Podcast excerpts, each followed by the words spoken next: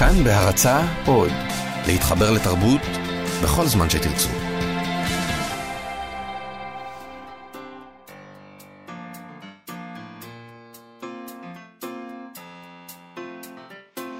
מה שכרוך עם יובל אביבי ומה יעשה לה. שלום, שבוע טוב, היי, מה יעשה לה? שלום, יובל. עומדת להיות אה, התקררות משמעותית. אתה שמח? מאוד. אני, אני לא כל כך, אני... כן, כן ולא. כשאני חושבת על לנסוע לכאן בבוקר, בגשם, זה טיפה מלחיץ אותי. מלח... יש זה ארבע דקות מהבית שלך באוטו. נכון, אבל... זה לא כאילו זה עכשיו... רגש כזה, זה, מזה אני קצת מפחדת, מגשמים זה, אבל כן, זה נחמד שיהיה קצת לא, חורף. אי אפשר יותר לסבול את זה, נובמבר ו-40 מעלות בחוץ. אני יכולה לסבול את זה. לא, אני, אני מאוד טוב, שמח שהגיע עכשיו החורף. אתה נהיית אנגלי ואנחנו משוחחים על מזג האוויר, או, או מה ב, בעצם קורה פה? כמי שהיה בעברו אה, עורך חדשות, אה, אני יכול לספר לך שאין שום דבר, כולל מלחמה, כן. שמעניין יותר את הישראלים מאשר מזג אוויר. Mm. מזג אוויר לא סטנדרטי זה תמיד כותרת ראשית. מה לא סטנדרטי במזג האוויר? שיורדות המעלות. אז הבנתי. הישראלים כאילו בהיסטריה, וואו, אומרים. מתקרר ומתכוונים למעלה אחת, כן. למטה, ואנשים כאילו, וזהו, הנה, אנשים- ואני באה עם סוודר. אנשים יוצאים כאילו. עם פוך, כאילו אנחנו כן. בקנדה. אוקיי, אתם למרות אה, הדיון על מזג האוויר, אתם מאזינים למה שכרוך, מגזין הספרות היומי של כאן תרבות. כמדי יום ב-12 אנחנו כאן, וניתן להאזין לנו ב-104.9 ו-105.3 FM. באתר האינטרנט של כאן, ובאפליקציה כאן אודי, ובעמוד הפודקאסטים, ואיתנו באולפן מיטל כהן העורכת שלנו, ושרון לרנר על הביצוע הטכני, והם עושים איתנו את התוכנית, ומה יעשה לה איתי? נכון, אה, אתם יכולים לשלוח אלינו מסרונים עם תגובות בטלפון 055-966-3992, 055-966-3992, נשמח לקבל את ההודעות שלכם ולהקריא אותן. אה, היום אנחנו נדבר עם מות- אה, מו"ל הוצאת גרף, רני גרף, שחזר מכנס הפנטזיה העולמי שנערך בסן אנטוניו, טקסס, בתחילת החודש. אה, נשמע ממנו מה, מה הלך שם. זה ז'אנר שאני ואתה לא מאוד מומחים בו, ואנחנו מתעניינים בו. בגלל זה אני. אוהב לארח אה, אנשים שמתעסקים בזה, כי, אין לי, אני לא נכון, יודע תמיד אנחנו מה להגיד. לומדים, לומדים, לומדים, אה, לומדים. מה, הולך שם. אה, זה ז'אנר שיש הרבה אנשים שמאוד מאוד אוהבים. נדבר גם עם טלי כוכבי, שתשתתף בכנס הפנקס לספרות ילדים שנערך השבוע, ייערך מחר, בפעם השישית. אה, היא תדבר על צנזורה ותיווך בספרייה הביתית, זה נושא שקרוב ללבך, יובל. בהחלט. אה, אתה אוהב ש... לצנזר. אני אוהב לצנזר, נשמע ש... אה, ש... אני צופה שעוד אה, יחבטו בי על הגישה שלי לא היום. יודעת, אולי היא מסכימה איתך. אולי, אי אפשר אוקיי. לדעת, תכף נדע, תכף נדע. Uh, לפני כל זה, uh, בואו נבשר שתמה הסאגה, ברכות. סוף סוף יש יו"ר חדש uh, לאגודת הסופרים העבריים. Uh, צביקה ניר, שהתמודד לבדו בסופו של דבר, כתב ביום רביעי פוסט מרוגש בפייסבוק, שבו כתב, המום ונרגש, למעלה מ-80% מהמצביעים בבחירות שהתקיימו אמש באגודת הסופרים העבריים, תמכו ברשימה שבראשותי, ובי אישית. בהחלט מרגש, 80% למועמד בודד. מה עם ה-20, אגב? אה, מה- מה- מה קרה להם? מה קרה להם? פתק לבן? אני לא יודע מה הולך שם. מה קרה לנו? מה קרה לנו? אה, התגובה האהובה עליי, אה, שמישהי כתבה לצביקה ניר בפייסבוק, אה, שהוא המום ונרגש היה, היא כתבה, לא היה לי ספק שתיבחר, אין ראוי ממך.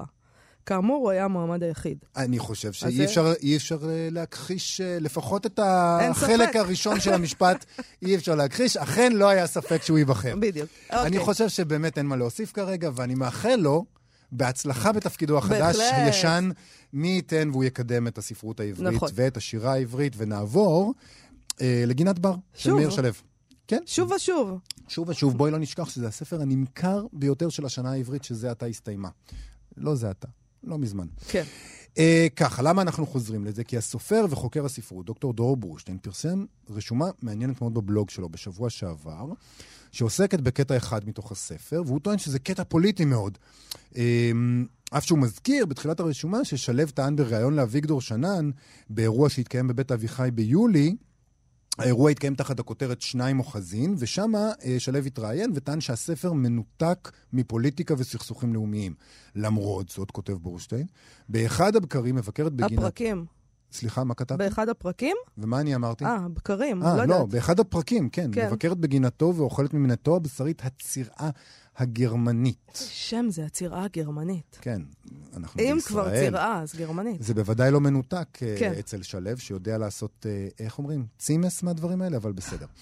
אה, הוא ממהר לומר שכן הצרעות אינו דימוי ביטחוני ישראלי, רגע, זה, זה בורשטיין אומר? כן. אוקיי. אבל למעשה כל תגובתו לצרעות ספוגה בשיח ביטחוני. בעצם בורשטיין פה מדבר על, אה, כאילו באיזשהו אופן, אה, את, ה- את השיח הביטחוני של נכון. אורי שין כהן, נכון? לגמרי, הוא מתכתב לגמרי, עם זה. לגמרי, אוקיי. לגמרי, לגמרי. אוקיי, הוא מצפה שהחיות, ציטוט, יכירו בי ובזכויותיי, זה ציטוט מתוך גינת בר, כן. ובעיקר בזכותי הבסיסית להתהלך בגינה בביטחון ולחזור הביתה, הביתה בשלום. הנה כי כן, פסקה אחת אחרי ההתנערות מהדימוי הביטחוני, מדבר שלו על גינתו במונחים של שלום וביטחון.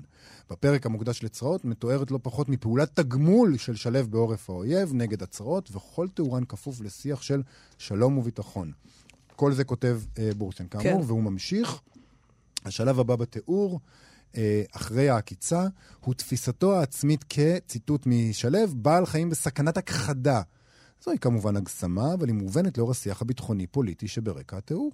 זהו בדיוק הלך הרוח הפוליטי הישראלי, שמגדיל כל סכנה, ואין לזלזל בעקיצת צירעה, לממדים קיומיים. ואכן, ההמשך מתואר, ההמשך מתואר מפורשות במונחים של מלחמת חורמה. מלחמה שתוצאותיה בריחה לבלי שוב או השמדה גמורה של הצד המובס. והיות שהצירעה היא גרמנית, הנה בורשטיין מתייחס גם לזה, ייתכן שמזדחל בדל ניחוח שואתי למלחמת שלו והצרעות, ממש כמו בשיח הפוליטי הישראלי, ביחס לכמעט כל מערכה צבאית. אחר, כך- אחר כך הוא כותב, כל תיאור הצרעות רווי בסממני התיאור של השיח הפוליטי.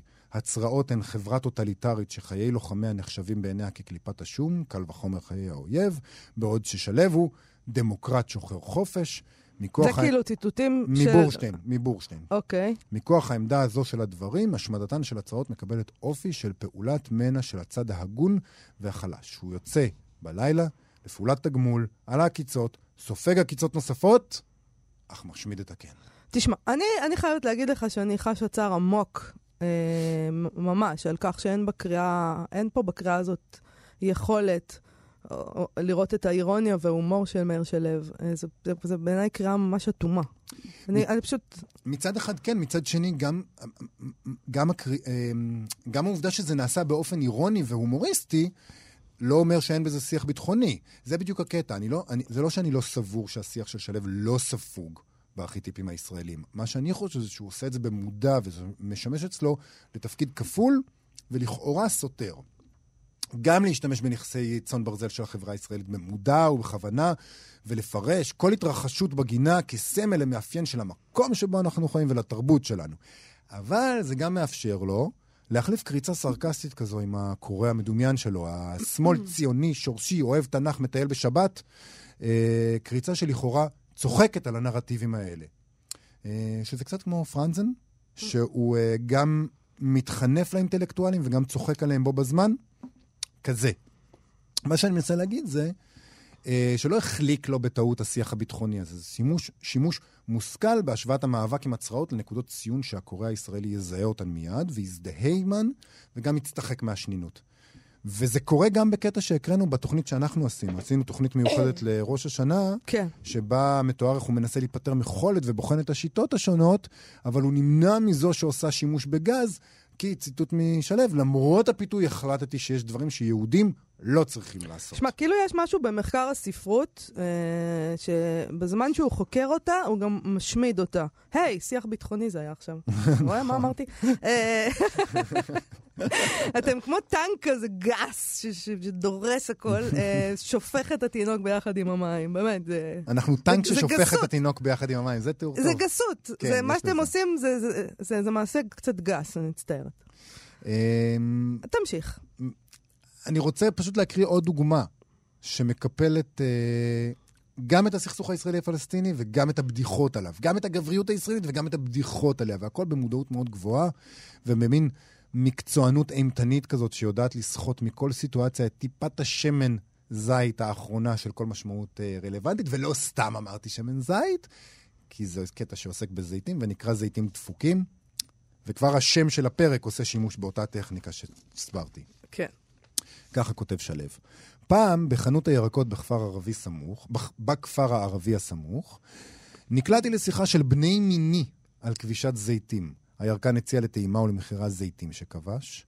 הוא נעץ בבני שיחו את המבט האלכסוני המתנשא השמור לרגע הזה ממש, והלקוחות, ערבים ויהודים כאחד, טעמו, והשיבו לו מבטים דומים, והחלו להעיר ולהשיא הערות ועצות. טעמתי גם אני, וממש כמו כל הטועמים האחרים, שמחתי לגלות שהזיתים שאני כובש, טובים מזיתיו. לא שהתחדש לי כאן משהו. כמו כל גבר, גם אני כובש זיתים טוב יותר מכל גבר אחר. מתוך נימוס אמרתי לו, טעים מאוד. ומתוך הרגל הצעתי לו גם אני הצעות לשיפור הזיתים שלו, כדי שיתקרבו לרמה הלא מושגת של הזיתים שלי. לכאורה, העצות האלה הן סודות מקצועיים, אבל אנחנו, הגברים כובשי הזיתים, איננו שומרים בסוד את מתכוננו. להפך, אנו שמחים לתיתם לכל טירון ודורש, בידיעה ברורה שגם כך לא יצליחו זיתיהם להשתוות אל זיתנו.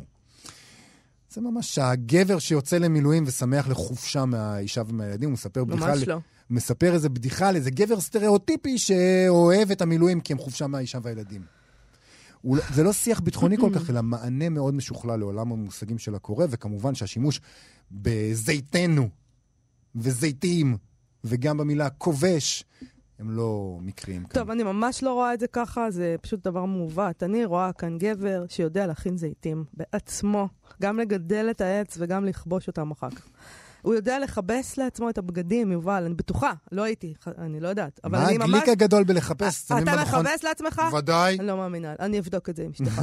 אה, הוא יודע להדליק מדורה, אני בטוחה שהוא יודע גם להדליק מדורה אם לא היו לו גפרורים, ואתה פשוט, אני, אני ממש מרגישה שאתה גבר תל אביבי מצוי, שקונה את הזיתים שלו באיזה מעדניה מפונפנת, קלמת הגדול. ולכן, ולכ, בדיוק, ולכן אין לך שמץ של מושג פשוט על מה הוא מדבר, ואתה מרגיש אה, קצת רגשי נחיתות, ולכן אתה מתנגד לזה. בטוח נכון. אני, כשאני שומעת על uh, צרעות uh, וכל הצירה הגרמנית וכל הדבר הזה, אני נזכרת תמיד תמיד uh, באבות ישורון.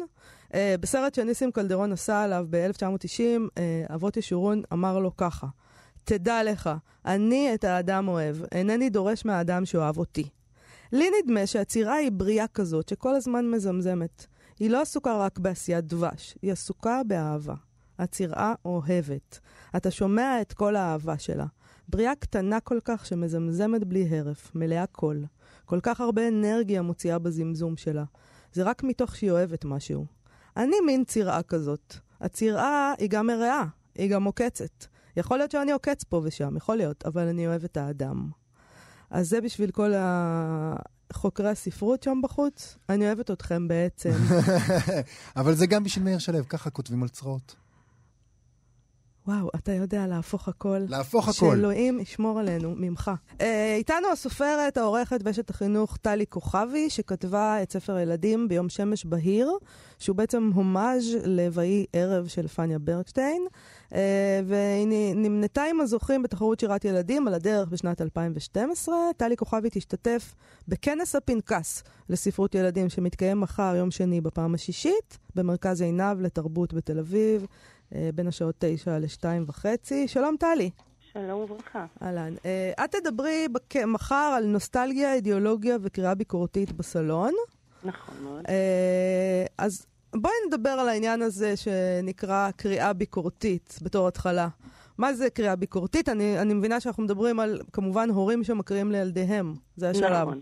אוקיי. בעיקר, וההרצאה שלי מחר uh, תהיה הרצאה די אישית שמנסה להביא את המקום הפרטי שלי כאימא לשני ילדים, שבמקרה עוסקת בספרות ילדים ויש לה אלפי ספרי ילדים בבית, את- ואיך את- הדברים האלה מתחברים ביחד. את מצנזרת לילדים שלך, כמו שיובל פה ממולי עושה, כשהוא מקריא לבן שלו את אה, איי פלוטו. לא. את לא מצנ- מצנזרת? אוקיי. אני לא מצנזרת, כי יש לי הרבה כבוד ליצירה וליוצר, גם כיוצרת בעצמי וכעורכת בעצמי. אני חושבת שמי שכתב את הספר ומי שבחר להוציא אותו לאור, החליט לא סתם איך לשים את המילים הספציפיות האלה, ויש לי כבוד ליצירה. אוקיי. אני בהחלט לא מקבלת כל דבר כתוב בתור תורה מסיני, ואני עוד יותר לא רוצה שהילדים שלי יקבלו את זה. כן. אז אם בעצם ההרצאה היא אישית, אז אולי תספרי לנו כמה דוגמאות אישיות אה, ממה שנתקלת בהן ואיך התמודדת איתן. למשל, שאלתם עכשיו על האיי פלוטו, שזה באמת דוגמה ממש ממש בסיסית וראשונית אה, לפעוטות. כן. אה, יש את המשפט הידוע, טיפש קטן הפרה עונה, אני מייצרת חלב לגבינה. זה בדיוק מה שאני מצנזר. בול. אשתי טבעונית ואנחנו מצנזרים את זה. או, אז יש פה שתי סיבות. אשתך טבעונית, היא לא אוהבת את, ה... אה, את ייצור החלב לגבינה ולא לעגל. לעגל, נכון. אני לא טבעונית בעוונותיי, אני עדיין לא אוהבת שקוראים לאנשים טיפשים או לכלבים טיפשים, בטח לא אם הם פשוט לא יודעים. אבל כן יש לי הרבה כבוד ללאה גולדברג, ולכן אני קוראת את המשפט כפי שהוא, ואז אני עושה מין פרצוף כזה ואומרת, הוא לא טיפש, הוא פשוט לא יודע, Mm. הוא פשוט לא מבין. אשתך למשל או אתה יכולים להגיד, מה פתאום, החלב בשביל העגל? כלומר, יש פה מצד אחד כבוד לטקסט וליוצר וליצירה, ומצד שני, אתה מעביר לילדים שלך גם את הערכים שאתה מאמין בהם ואתה רוצה וחשובים לך, ועל הדרך, וזה אפילו עוד יותר חשוב בעיניי, מלמד אותם לחשוב בעצמם. כשהם יבואו לטקסט אחר כך, בעתיד, בכ- בכל שלב, בכל גיל, גם לטקסטים מורכבים יותר מהאיי פלוטו, הם יוכלו לקרוא ולכבד את הכתוב, ואז לשאול את עצמם מה דעתם על זה. כן, הם לא יהיו חייבים להתייחס לזה כאילו זה תורה מסיני. בדיוק. כתוב, אני לא מסכים עם הכתוב. זה מה שהצעתי לך, יובל, לפני חודשים רבים. בכל זאת, יש מסרים שאנחנו לא מוכנים אפילו להקריא לילד שלנו. אז את נגיד, מאיה, כשאני מספר לה על דברים שאני אני לא מוכן, יש דברים שהם מבחינתי עם קו אדום. אז מאיה אומרת, במקרה כזה, אל תקריא את הספר בכלל. את כל הספר. נכון. או כלום או הכל. זאת היצירה. אמ, נכון, אם כי, תראה, זה גם עניין של איכות. ספרות ילדים, אמנם אנחנו מתייחסים אליה ככלי חינוכי וכלי לסוציאליזציה ובודקים את המסרים, ואני לא מזלזלת בכל מה שאמרתי עכשיו, כי גם לי זה חשוב. אבל זה קודם כל ספרות. נכון, ספרות היא אומנות, היא יצירה. נכון. ולכן אם היצירה בגדול, מבחינה ספרותית, היא יצירה טובה, אבל יש בה כמה דברים ממש מקוממים ומעצבנים ומרתיחים, אז אפשר לא לקרוא אותם, או אפשר, לא, סליחה, התבלבלתי, זה מה שאתה אומר, אני אומרת לא, אפשר לקרוא אותם, אבל לא להאמין בהם, לא להצדיק אותם. לדבר על זה, אפשר בדיוק. לדבר על זה, נושא לשיחה. לדבר על הרי זה. הילדים בחיים האלה שלהם ייתקלו בכל מיני דברים שאנחנו לא מסכימים איתם ולא חושבים שהם בסדר וזה. ונתקלים כל פעם שאנחנו ונתקלים. הולכים ברחוב. כן. יש לך דוגמאות לדברים פחות אה, ראשוניים, פחות בסיסיים, אולי אפילו לגילאים טיפה יותר מתקדמים? אני אתן לכם דוגמה אחת נוספת, אני ככה ממש אה, רוצה לא לגנוב מעצמי מחר יותר מדי. אוקיי. אה, אתם מכירים בטח את סדרת ילדי העולם. כן. גם אתם וגם אני גדלנו ברור. עליה נורית ודאי. קוסן. נורית ו- קוסן. נכון. אנחנו אוהבים את דרק, הילד מהולנד. לא, אוח. אני אוהבת את נורי קוסן. בדיוק, אני אוהבת את שניהם. אוקיי. את נורית קוסן אישית אני אוהבת יותר. ברור. אבל דירק הילד מהולנד הוא בדיוק דוגמה למה שאני מתכוונת. הוא ספר מקסים והוא ילד מקסים, ובאמת ליבי יוצא אליו. אבל יש בספר הזה משפטים אחד יותר מזעזע מהשני. למשל. למשל, יש שם משפט, יש לו חברה, והוא נורא מעוצבן על זה שאין לו אופניים. והיא אומרת לו, אבל גם לי אין אופניים. אז הוא אומר לה, אז מה, לבנות זה לא חשוב. נכון. כשהבן שלי היה בערך בן שלוש וחצי, ארבע, הקראתי לו את זה, וברור שהתעצבנתי על זה. אז אמרתי לו, בטח שלבנות זה חשוב. והוא יודע את זה, והוא יודע שיש לו חברות שיש להן אופניים, ושזה חשוב להן לא פחות ממה שזה חשוב לו. אז אני, לא רק של, במחשבה שנייה, לא רק שלא הצטערתי שהמשפט המקומם הזה מופיע שם, אפילו שמחתי. כי זה נתן לי יופי של תירוץ לדבר איתו על זה. לא, גם אפשר להגיד להם, זה ספר שנכתב מזמן, ולעשות מזה קצת צחוק מאיך שפעם אנשים חשבו, וזה היה ככה פעם, שאנשים חשבו ככה, ואיזה מזל שאנחנו כבר לא... מה זאת אומרת? זה לא... מה, אפשר לדבר... אני רוצה לשאול אותך משהו, זה בעצם באותו עניין, אני חושבת. את כתבת ספר ילדים שנקרא ביום שמש בהיר, שהוא בעצם הומאז' לבאי ערב. הספר האהוב, אחד הספרים האהובים עליי מילדותי, שהוא באמת מאוד מאוד אה, אפל וקודר. אה, ואת אה, השמשת אותו, נגיד. למה עשית את זה? מה... לא השמשתי אותו, אבל נתתי איזושהי וריאציה משלי. אה, חשבתי על זה באמת אתמול, ורק אתמול, אחרי שעבדתי כמה שבועות על ההרצאה, פתאום קלטתי שבעצם יש קשר בין הדברים שאני מדברת עליהם בהרצאה מחר וכנס הפנקס, לבין מה שעשיתי עם הספר שכתבתי. כי גם אני גדלתי על ויהי ערב, וגם אני מאוד אהבתי את זה מצד אחד, ומאוד התקוממתי מצד שני, כי יש שם ילדה טובה, מלאת רצון טוב, שבסך הכל רוצה להגיד שלום לאפרוחים, mm-hmm. ואבא שלה צועק עליה ואומר לה שהיא ילדה לא טובה, ועושה לה ככה נו נו נו עם האצבע, והירח כועס עליה, וזאת סצנה מאוד קשה. את התקוממת ו... מהדבר הזה כילדה או כמבוגרת? אמ, כי אני זוכרת כילדה, זאת אומרת, מה, זה מפחיד ואפל והכל, אבל אתה לא מתקומם נגד זה, להפך, יש לך שם מקומות שאתה מזדהה איתם. נכון. אני חושבת שאנחנו מאוד מאוד מגוננים היום על ילדים מפני, ולא מאפשרים להם בכלל להזדהות, זאת אומרת, כי כל, כל רגש רע, או כל הורים רעים, למשל, אנחנו רוצים לפנות אותם, שהם לא יראו את זה, אבל אולי יש להם איזה חוויות כאלה שדווקא הם היו רוצים להזדהות איתם. זהו, זה מה שהפריע לי. אני לא אהבתי שהוא יחשוב שככה אבות מתנהגים. אבל, איזה, אבל... אבל ככה אבות מתנהגים לפעמים. ככה, וככה האבא הזה מתנהג. בדיוק. נכון. זה לא אומר שאתה מתנהג ככה. כן. קצת יותר ש... ביטחון עצמי, יובל. אבל הנה, מה שמאיה אומרת בעצם זה שהלכת אמ, ועשית כאילו גרסה יותר אה, נעימה. בעצם תראה, קצת פעלת באופן שבו אני הייתי פועל אולי. לא. אני מצד אחד מקריאה את הספר הזה לילדים שלי כפי שהוא, עם אמירות על על, אה, על מה שקשה לי, על מה שצורם לי, על מה שלא נעים לי, כי גם אני בן אדם ואני חושבת שחשוב לי לבטא את הרגשות שלי קודם כל בפני הילדים שלי, ואם ספר מעורר בי רגש, לחיוב או לשלילה, זה חלק מחוויית הקריאה. כן. הספר שכתבתי, קודם כל הוא יצירה שעומדת בפני עצמה. יש ילדה, יש אימא, יש גור חתולים שהילדה מצילה אותו. וגם אנשים שלא מכירים את ויהי ערב, אם במקרה בטעות שיש כאלה, יכולים ליהנות מהספר שלי כמו שהוא. כן. חוץ מזה, יש פה עוד רובד של, אה, מבחינה רגשית, לתחושתי, אני מעיזה להגיד תיקון מסוים, כי בספר שלי היחס אה, יותר חם, יותר חומל, יותר רגיש, אבל זה לא... שלקחתי את הספר של פניה ברגשטיין ושכתבתי אותו, mm-hmm. חלילה. עשיתי מחווה שמתבטאת בחלק מהאלמנטים בספר, במצלול של הספר, ב... יש אה, ילדה, שם יש ירח, אצלי יש שמש, שם יש אבא, אצלי יש אימא. יש כמה מחוות יותר ספציפיות שיכולות ככה לנגן על מיתרי הלב של ההורים שגדלו על ויהי ערב. אבל זה מתוך, קודם כל, כבוד למקור, ולא רצון לבוא במקומו. כן. או למחוק אותו. והאי ערב זה ספר נפלא. נכון. נכון, אוקיי. אנחנו מסכימות, יפה. אה, טלי כוכבי, תודה רבה לך. היה מאוד מעניין, תודה רבה לך. אתם מוזמנים לבוא לכנס. תודה רבה. נזכיר באמת, כנס הפנקס לספרות ילדים מתקיים בפעם השישית מחר, בתשע בבוקר, במרכז עינב בתל אביב. יהיו שם עוד הרבה דוברים אחרים. נכון. אה, הרצאות מאוד מאוד מעניינות, וגם את, נכון. טלי כוכבי, תודה רבה לך. תודה, להתראות, טלי. להתראות. בתחילת החודש יתקיים כנס הפנטזיה העולמי בסן אנטוניו, בטקסס. זה כנס אה, ספרותי, שנתי, שבו מחולק אחד משלושת הפרסים החשובים בתחום, לצד פרס ההוגו ופרס הנבולה המוכרים יותר אולי. אז זה השלישי בחשיבותו. ואיתנו רני גרף, מול הוצאת גרף, שהשתתף בכנס, כאמור, התקיים בתחילת החודש, אבל רק עכשיו הוא טרח לחזור לארץ בשביל לספר. טרח. שלום רני. שלום רני.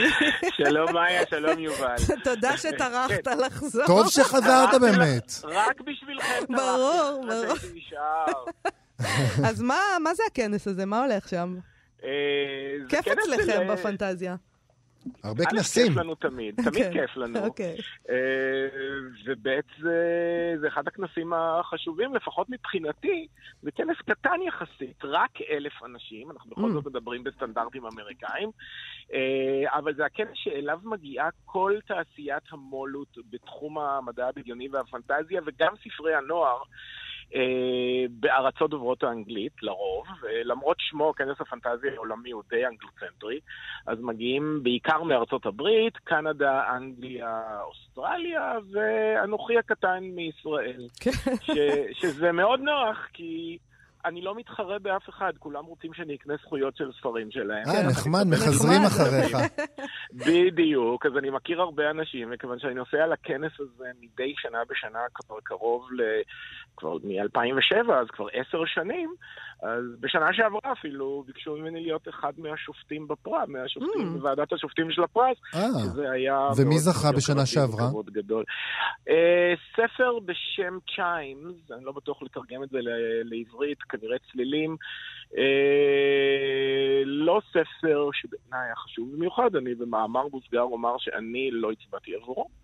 אה. רציתי להצביע עבור ספר אחר, אבל אתה יודע, היו... עוד שופטים, היו, כן. היו חמישה שופטים ואני ראיתי רק אחד מהם. ומי זכה השנה? אה, השנה זכה ספר אחר, שגם הוא לא... אה, אוי, שכח, כרגע, אוי, באמצע, שידור, באמצע השידור החי יש לי בלנק בראש. אוקיי. אז אני, אחזור אליכם, אני אחזור אליכם או שתסתכלו תכף ברשת ותמלאו את החסר. אין בעיה. אה, אבל זכו, זה, זה, אגב, זה לא רק פרס של ספר אחד, יש הרבה קטגוריות. זה גם הספר הטוב ביותר, גם הסיפור הקצר הטוב ביותר, גם הנובלה והנובלטה הטובות ביותר, האמן הטוב ביותר, אה, המגזין הטוב ביותר, הספר החובב, מגזין החובבים הטוב ביותר והמגזין המקצועי הטוב ביותר. ואני מקווה שלא שכחתי אף ואתה קטגוריה קנית. שם, אה, אתה קנית שם זכויות לספרים? קניתי זכויות לשני ספרים אה. במהלך הכנס האחרון. אני עוד לא, כיוון שעדיין לא חתמנו על ההסכמים, אז אה, בואו אתה לא נשאיר את זה מגלה לנו. כרגע.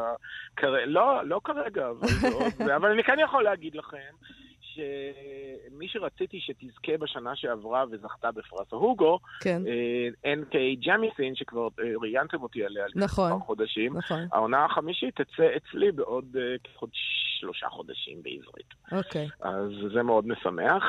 הכנס עצמו גם, מה שנחמד בו בעצם זה כנס שיש בו, המ... אין, אין בו הרבה פאנלים, אין בו הרבה פעילות. רוב הזמן יושבים בבר של המלון ומתקשקשים זה עם זה, כמעט ולא צריך לקבוע פגישות, כי כולם שם, וזה connecting אחד גדול, לכן אני כל כך אוהב וואו, זה נשמע. כיף. מעוניינת. לא מעוניינת. בדיוק... את תמיד כשמדברים על כנס בחו"ל מעוניינת שיזמינו אותך. לא, כשזה לא, כשאין הרצאות ואין פאנלים, לא, רק יושבים בבר, אז זה נשמע לי טוב. יש הרצאות ופאנלים, אבל אה, זה לא החלק העיקרי של הכנס, זאת לא הסיבה העיקרית תגיד, יש שם. גם, יש שם גם, אמרת שזה מאוד אנגלוצנטרי, יש שם גם נגיד ספ, אה, ספרי פנטזיה ומדע בדיוני ישראלים שמוצגים שם, או שזה לא... לא, קודם כל לא מוצגים שם ספרים, זה אה, רק זה רק, התעשייה אה, נפגשת זה עם זה. יש מה. שנקרא ה-dealer's room, שזה חדר הסוחרים, ששם מוכרים ספרים, ואם יש ספר ישראלי שיצא באנגלית, כמו למשל הספר עולם הסוף של אופיר טושה גפלה, כן. שיצא מזמן. בהוצאת תור, נכון, אז הוא בהחלט יהיה מוצג. הבנתי, אבל אם לא יצא באנגלית, אז לא, לא יהיה מוצג. הבנתי. אה, אגב, זה לא רק לספרים, מציגים שם גם תכשיטים, פסלים, וזה, זה, זה מאוד ססגוני, זה מאוד נחמד. אה, נשמע כיף. אה, וזה לגמרי, אני לא סבלתי. אני כן יכול לספר לכם פרט פיקנטי מאוד. ודאי, כן. זה בזמן שישבנו בטקס, שבו, שהוא המסיים את, ה, את הכנס ובו מחלקים את הפרסים, אני מרגיש שהכיס שלי, הטלפון, כולם אה, שולחים לי הודעות, ואני מסתכל, אני רואה הודעות מהארץ, אתה בסדר, אתה בסדר, אתה בסדר. הסתבר שבאותם רגעים ממש היה הירי ההמוני. אוי 20 ואבוי. מייל- אה. 20 מייל מ- מאיתנו. לא נכון. ואני קיבלתי את זה בהודעה מהארץ. אז וואו. אנחנו שמחים שאתה בסדר, וגם אני אה, בסדר גמור, ישבתי בקומת המרתף של בית המלון. המקום לא הכי- ידעתי המקום ש- הכי טוב כנראה להיות בו באותו רגע. בדיוק. אה, נז- אה, נגיד רק שהזוכה זה קלר נורת, עם נכון, הספר קלר. The Sudden Appearance נכון of מאוד. Hope, חשוב כאילו להגיד מי זכה. נכון, ודרך אגב, אה, אז אה, כיוון שעכשיו נזכרתי, אז אני גם אומר שהספר הזה יצא לא מזמן בעברית, לא בהוצאה שלי. אה, הוא כן בהוצ- יצא בעברית. הוא יצא בעברית בהוצאת יניב. אה, לפני כחודשיים שלושה, והוא ספר, הוא דווקא ספר טוב. אני, אבל היא פשוט, היא פשוט סופרת של הוצאה אחרת, אז לא יכולתי לקחת את זה לעצמי. לא הכל קורה לפי איך שאנחנו רוצים... אה, נכון מאוד. אבל אבל אני לפחות, עדיין ממליץ לקנות ולקרוא אותו. לפחות נשארת בחיים, אה, זה גם אה, דבר, אה, לא דבר של מה בכך. וואלה, נסעתי לכנס הפנטזיה העולמי ונשארתי ונשארת בחיים. זו כותרת- זו כותרת לא רעה. לגמרי. רני גרף, מול הוצאת גרף, אה, הנציג הישראלי בכנס הפנטזיה העולמי. תודה רבה לך. תודה, רני, ביי. בבקשה, תודה, להתראות.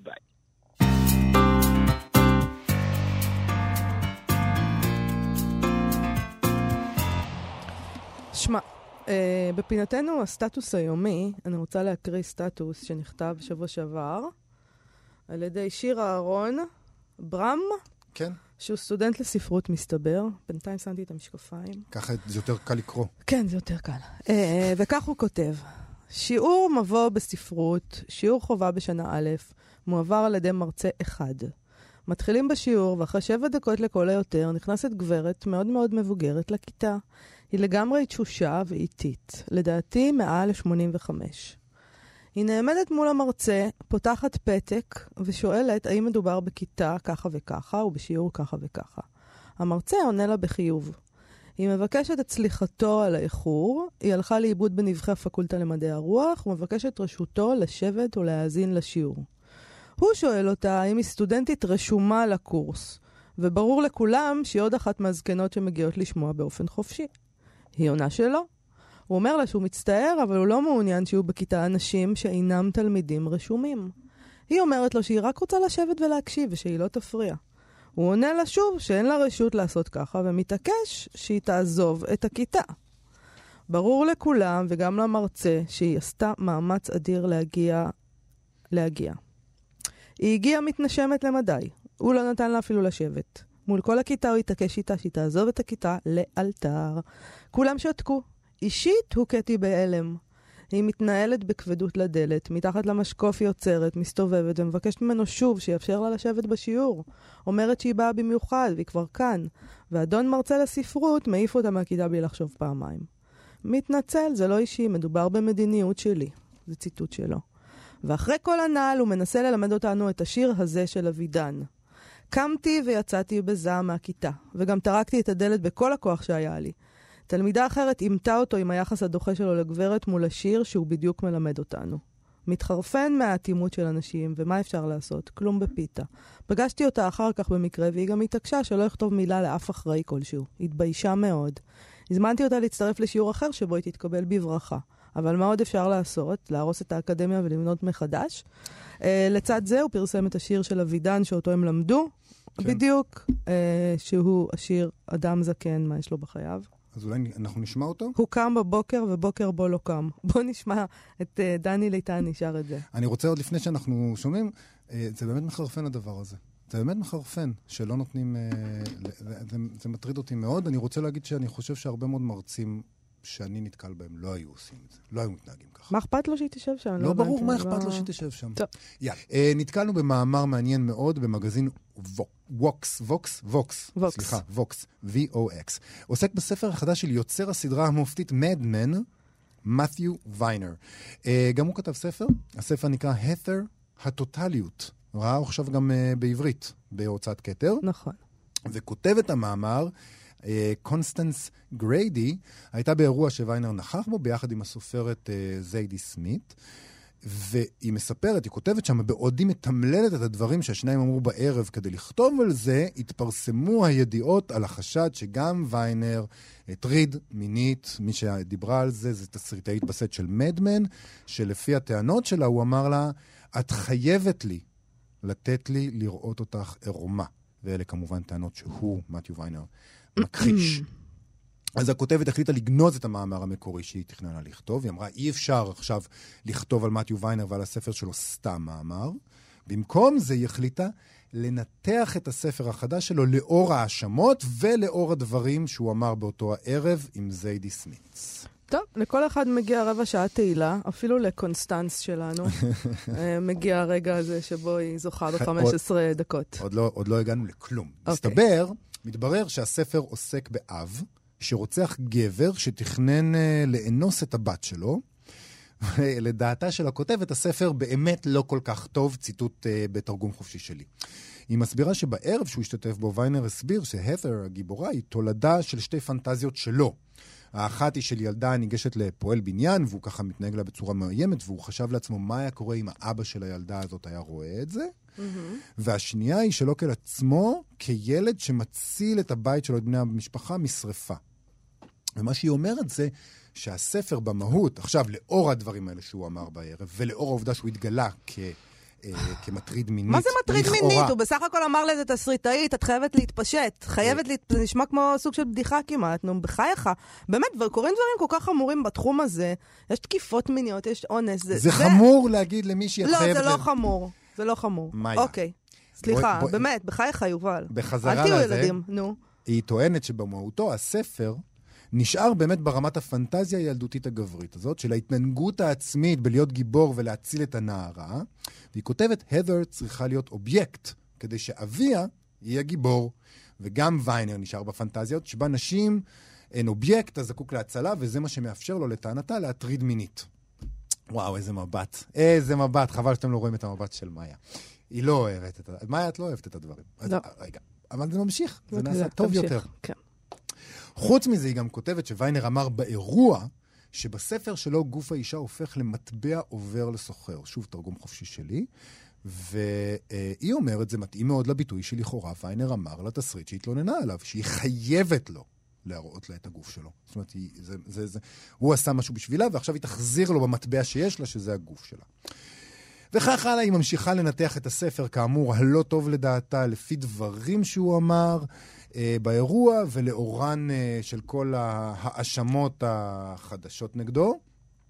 אה, ומעבר לכל הדברים המעניינים האלה, אני, שקשה לי לשפוט כי לא קראתי את הספר עדיין, אני די נפעם אה, מטקטיקת הניתוח החדשה הזאת.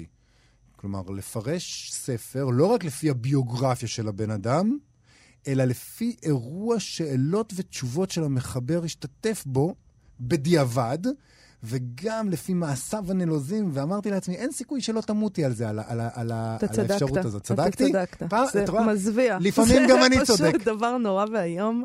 הדיונים בכל הנושאים, הסלט הנוראי שעושים מנושאים חשובים, באמת.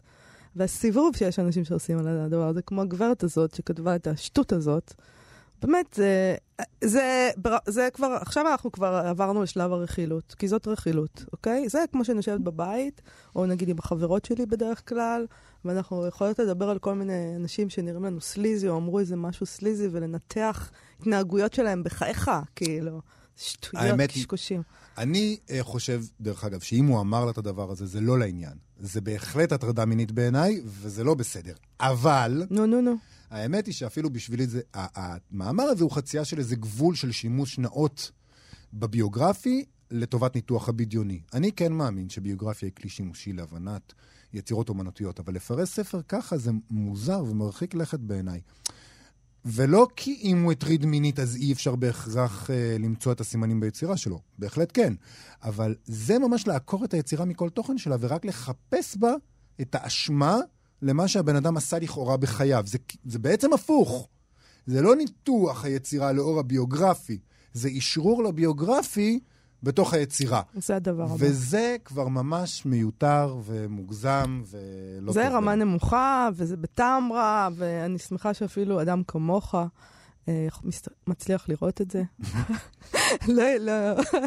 כי באמת, אה, אה, אני כבר מיואשת מהמופעים הבלתי נסבלים האלה, ואני באמת שמחה שאתה מצליח גם להבין שזה פשוט לא ייתכן, הדבר הזה. ושוב, אני אזכיר שבעיניי אתה- זאת כן הטרדה מינית, ועל זה אנחנו לא כמובן, כי מסכימים. אתה חייב פה להרים את הדגל, אחרת מה יהיה? לא, כאילו- כי להגיד למישהי שעובדת תחתיך, את צריכה להראות לי את הגוף שלך, זה לא לעניין, וזה בהחלט הטרדה. אוקיי, סבבה.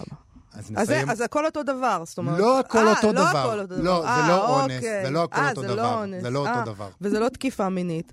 וזה לא... זאת הטרדה רגע, מינית. זאת הטרדה מינית מה? כמו נגיד... טוב, אנחנו לא נדבר על לא, הטרדות אנחנו- מיניות עכשיו. לא, עזוב. לא, לא. מזל אנחנו- שנגמר הזמן. ממש, ממש, כאילו, ממש מזל אין זמן שנגמר. לצדקנות שלך עכשיו, אנחנו סיימנו להיום, אנחנו כאן מראשון עד רביעי, אה, ואנחנו, זה, המשמעות של זה היא שאנחנו נהיה פה גם מחר בשעה יש. 12. אה, אנחנו, אפשר למצוא אותנו גם באתר האינטרנט ובאפליקציה ובעמוד הפודקאסטים. אה, תודה רבה למיטל כהן ושרון לרנר. להתראות מחר. להתראות מחר.